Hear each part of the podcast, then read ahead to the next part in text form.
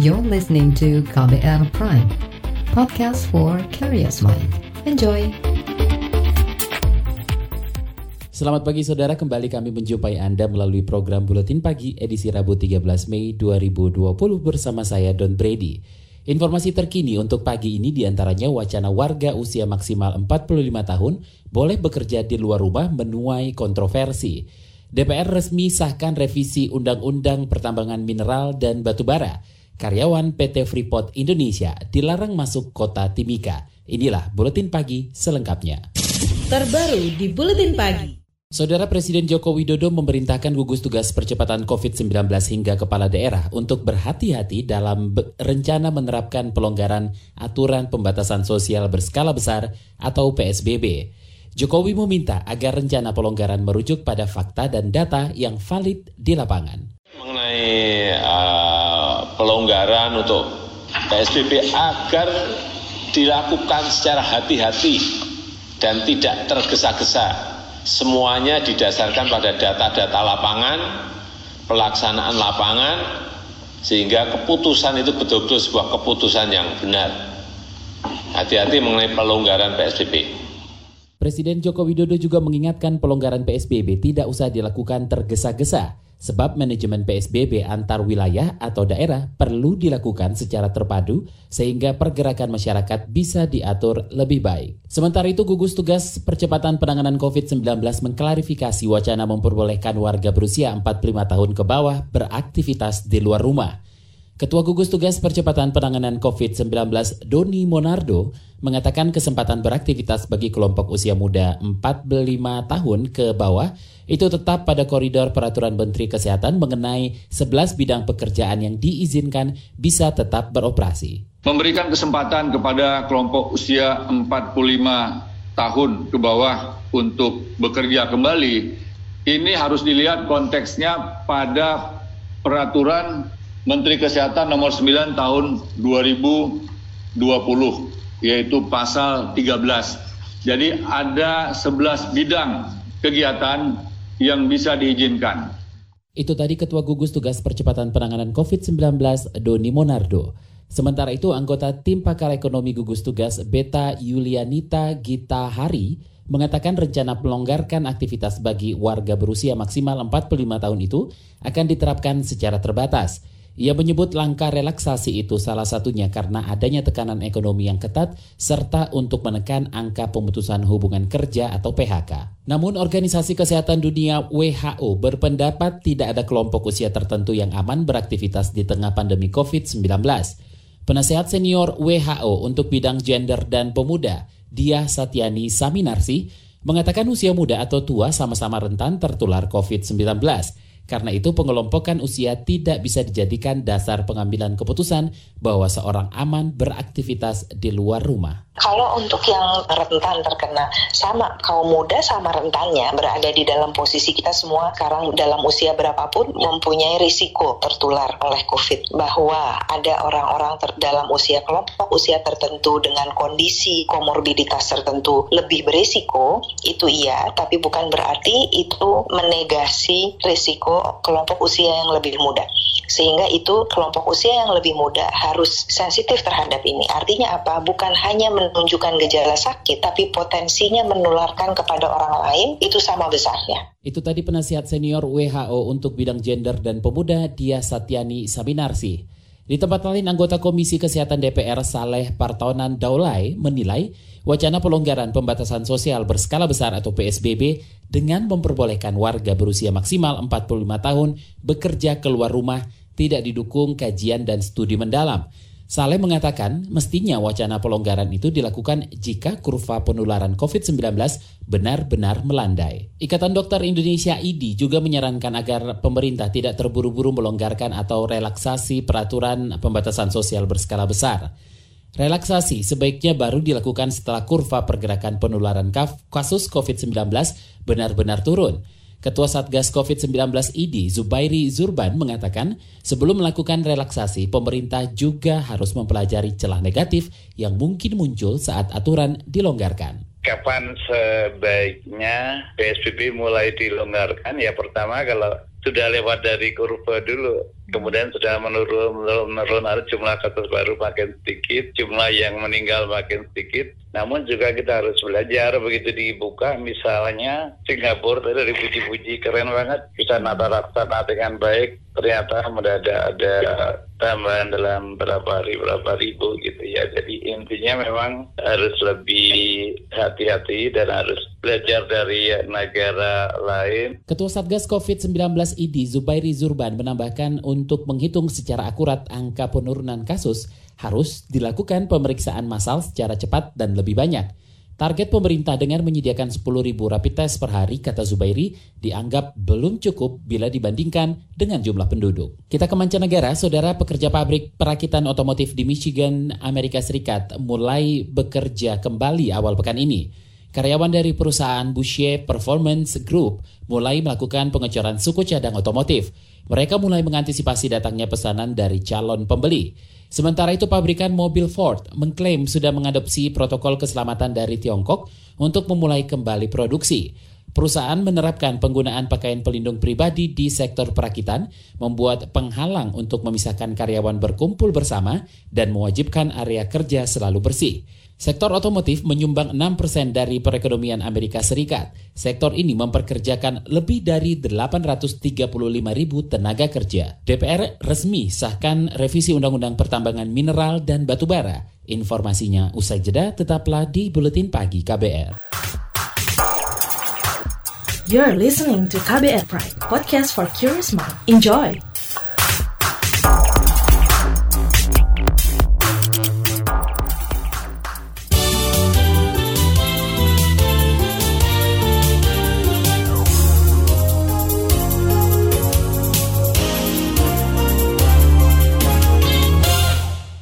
Dalam 24 jam terakhir bahkan ada penambahan hingga 480-an kasus baru.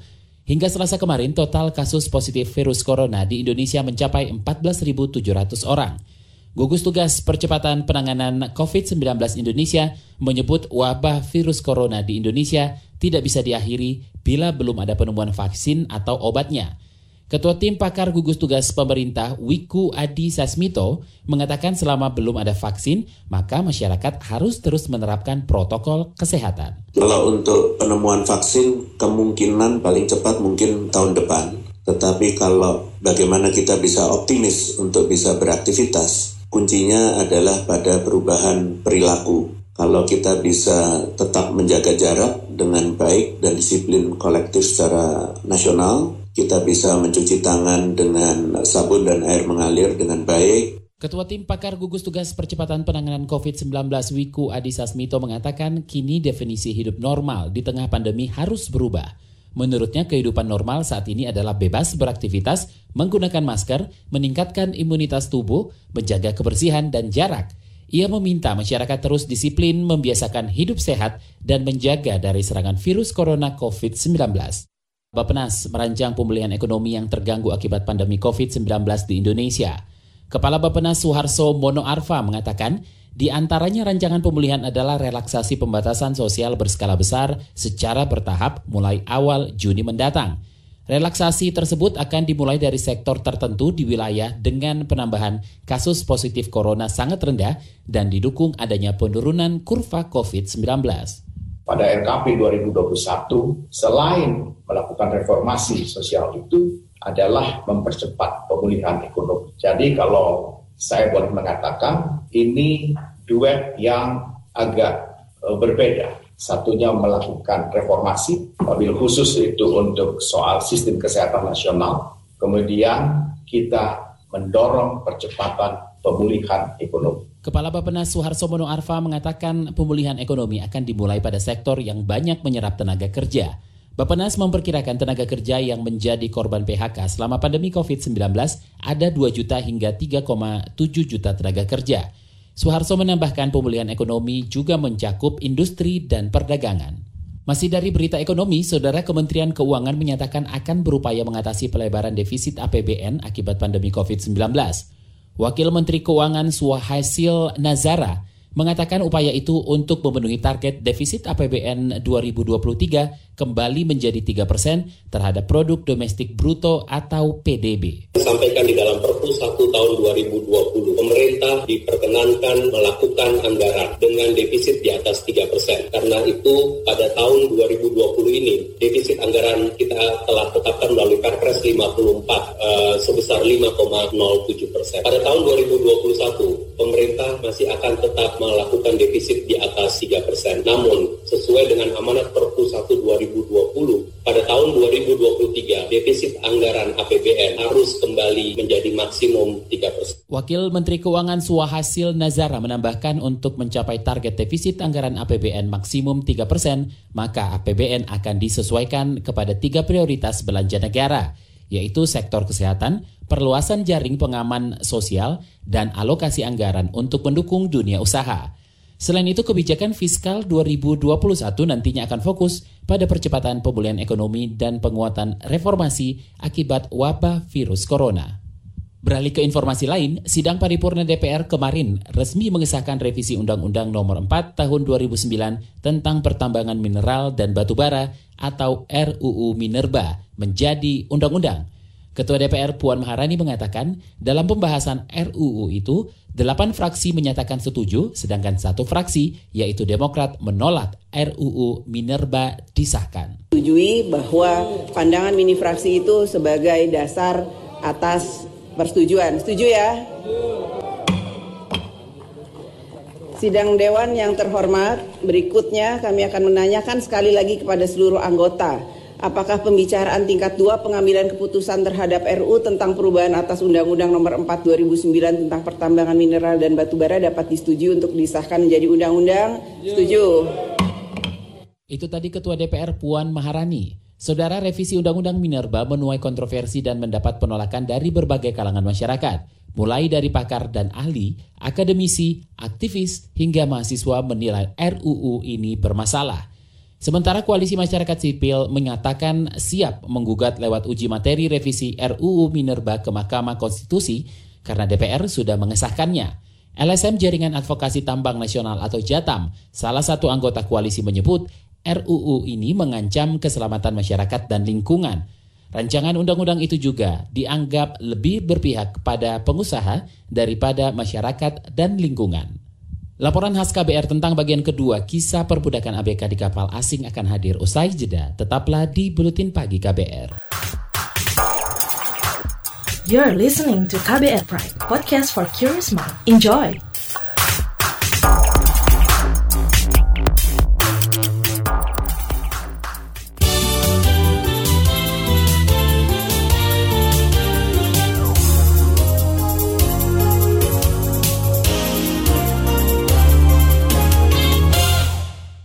Anda masih mendengarkan buletin pagi saatnya kita simak laporan khas KBR.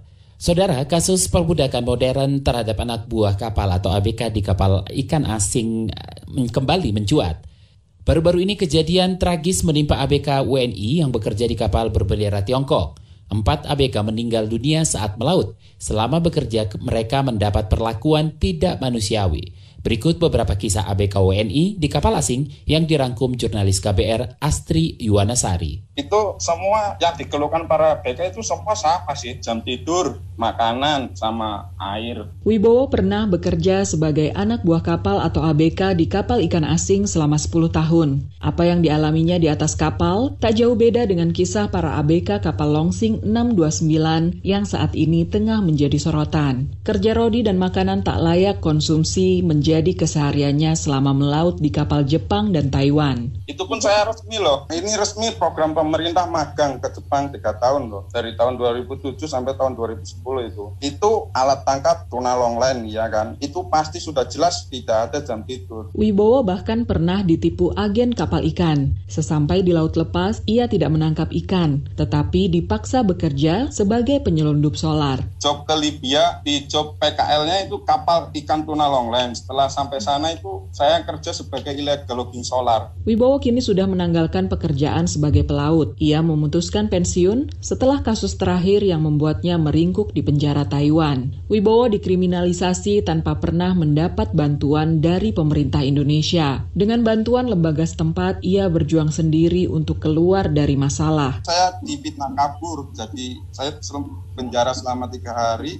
Nah, saya minta bantuan di istilahnya seperti di KBRI di situ saya satu penanganannya lambat juga. Saya seperti diintimidasi suruh pulang gitu suruh menyerahkan diri saja katanya gitu. Saya nggak merasa kabur saya nggak merasa apa saya udah di penjara saya udah merasa dirugikan akhirnya saya ditolong dan saya sekarang nasibnya dalam satu kapal itu si orang Indonesia itu cuma tiga orang.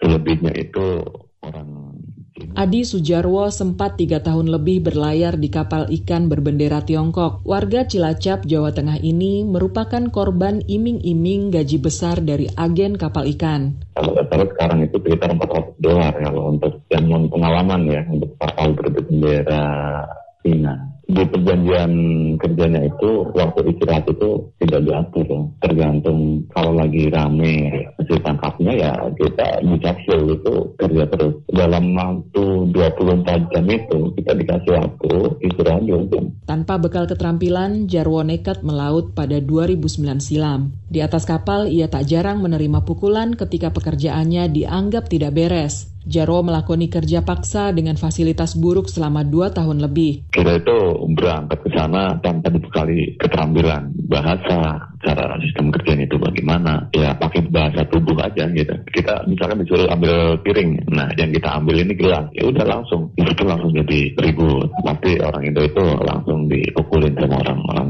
Cina gitu. Sistem kerjanya itu benar-benar kerja rodi, keras benar perlakuan yang kurang baik, yakni seperti ditendang, ditempeleng, itu semacam makanan sehari-hari buat kita. Irman mengisahkan getirnya bekerja di kapal Taiwan saat berlayar ke Afrika. Fasilitas pangan dan sandang yang disediakan perusahaan jauh dari layak. Kita paginya itu hanya makan nasi dengan bubur, terus ditambah ikan asin tuh kalau memang ada. Terus siangnya memang kita kadang memakan ikan yang ikan lama bukan ikan yang fresh. Terus juga kita hanya mendapatkan fasilitas yang sangat minim sekali dalam satu bulan hanya mendapatkan fasilitas seperti sepatu boot, sarung tangan yang plastik itu pun selama satu bulan hanya satu kali. Nah selebihnya kita menggunakan pakaian-pakaian bekas yang punya kita sendiri maupun yang sudah finish kontrak. Keselamatan kerja para ABK selama melaut tak pernah menjadi perhatian perusahaan. Menurut Irman, ABK yang sakit tak bakal terurus. Karena memang memang di atas kapal sulitnya untuk mendapatkan obat-obatan yang belum expired, kadang kita menggunakan obat-obatan seadanya. Karena memang jika terjadi kecelakaan kerja maupun contohnya kayak tertusuk ikan maupun terkena sesuatu itu itu hanya dibiarkan saja, tidak ada pengobatan khusus. Kekerasan fisik bukan lagi hal baru bagi para ABK. Irman pernah terluka terkena sabetan rantai mandornya. Kasus tersebut dilaporkan ke kepolisian sejak 2018 silam, tetapi sampai kini belum ada tindak lanjut apa pun. Saya melerai perkelahiran antara teman saya sesama ABK Indonesia dengan mandor ABK Cina. Itu saya melerai, nah, tapi akhirnya saya uh, mendapatkan semacam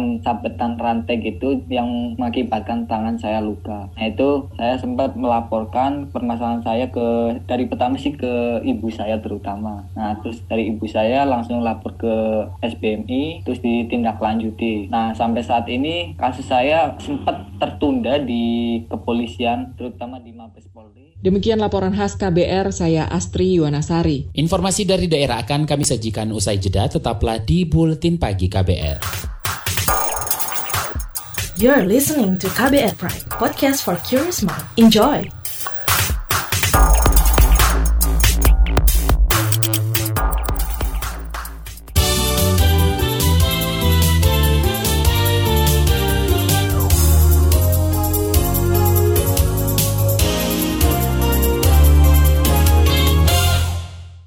Inilah bagian akhir buletin pagi KBR. Kita ke Papua. Karyawan PT Freeport Indonesia dilarang sementara waktu untuk masuk ke kota Timika.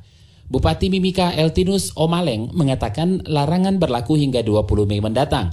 Keputusan itu diambil untuk memutus mata rantai penyebaran COVID-19 di Timika. Eltinus mengatakan pintu-pintu masuk ke Timika dari areal pertambangan PT Freeport Indonesia di Tembagapura sudah ditutup. Intrusi kemarin sudah keluar, menyangkut dari apa manajemen PT Freeport, mereka dari Kerjawan tidak boleh masuk di 28 pintu masuk ke Timika. Kemudian lewat Kuala Kencana dan turun, kami akan tutup juga di Utara 5. Polisi akan berdiri di mana-mana. Bupati Mimika Eltinus Omaleng menambahkan saat ini di wilayahnya ada lebih dari 100 kasus positif COVID-19, hampir 70 kasus di antaranya ditemukan di areal penambangan PT Freeport Indonesia. Pemerintah Kabupaten Timika sudah mengajukan pemberlakuan pembatasan sosial berskala besar ke pemerintah pusat. Kita ke Jawa Barat, pemerintah Provinsi Jawa Barat kemungkinan bakal melonggarkan aturan pembatasan sosial berskala besar atau PSBB di sekitar 63 persen wilayahnya. Alasannya karena tidak ada pergerakan berarti terkait penyebaran virus corona penyebab COVID-19. Gubernur Jawa Barat Ridwan Kamil mengatakan saat ini yang perlu diwaspadai hanya pergerakan masyarakat dan potensi penyebaran virus corona di 37 persen wilayah Jawa Barat. Kemudian dari sisi lalu lintas, lalu lintas sebenarnya kita sudah memenuhi kriteria secara teori yaitu menekan pergerakan lalu lintas di 30 persen. Tapi pas kita buka datanya ada pergerakan naik setiap jam 4 sore. Berarti masyarakat yang maksa ngabuburit masih ada walaupun dalam total masih di 30% pergerakan kendaraan, tapi meningkatnya ada di jam sore hari. Gubernur Jawa Barat Ridwan Kamil menambahkan saat ini aktivitas moda transportasi dibatasi hanya 30% yang boleh beroperasi. Tujuannya untuk memudahkan aparat memantau pergerakan warga dan menekan kasus penyebaran COVID-19. Pada masa PSBB tingkat provinsi, pemerintah Jawa Barat juga tetap memperlakukan larangan mudik bagi seluruh warganya. Kita ke Jawa Tengah, Lembaga Bantuan Hukum LBH Semarang menyebut pemerintah Provinsi Jawa Tengah melakukan pelanggaran hak asasi manusia dalam seleksi penerimaan CPNS 2019.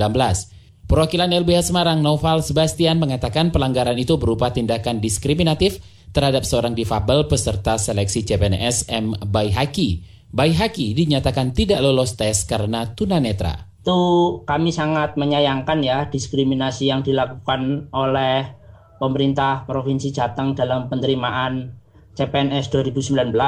Jadi kalau kita merujuk pada Undang-Undang Dasar dan Undang-Undang HAM, itu kan setiap orang berhak e, atas pekerjaan dan penghidupan yang layak tuh.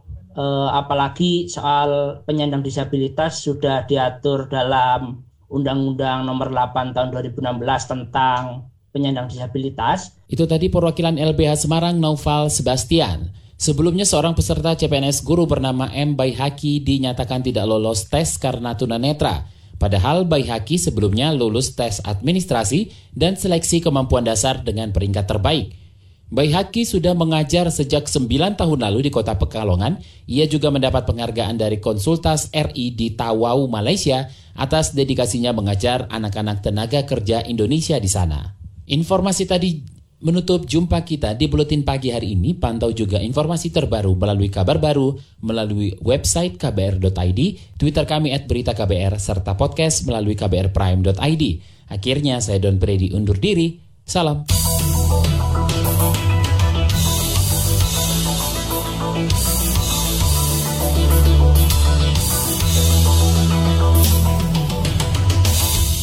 KBR Prime, cara asik mendengar berita. KBR Prime, podcast for curious mind.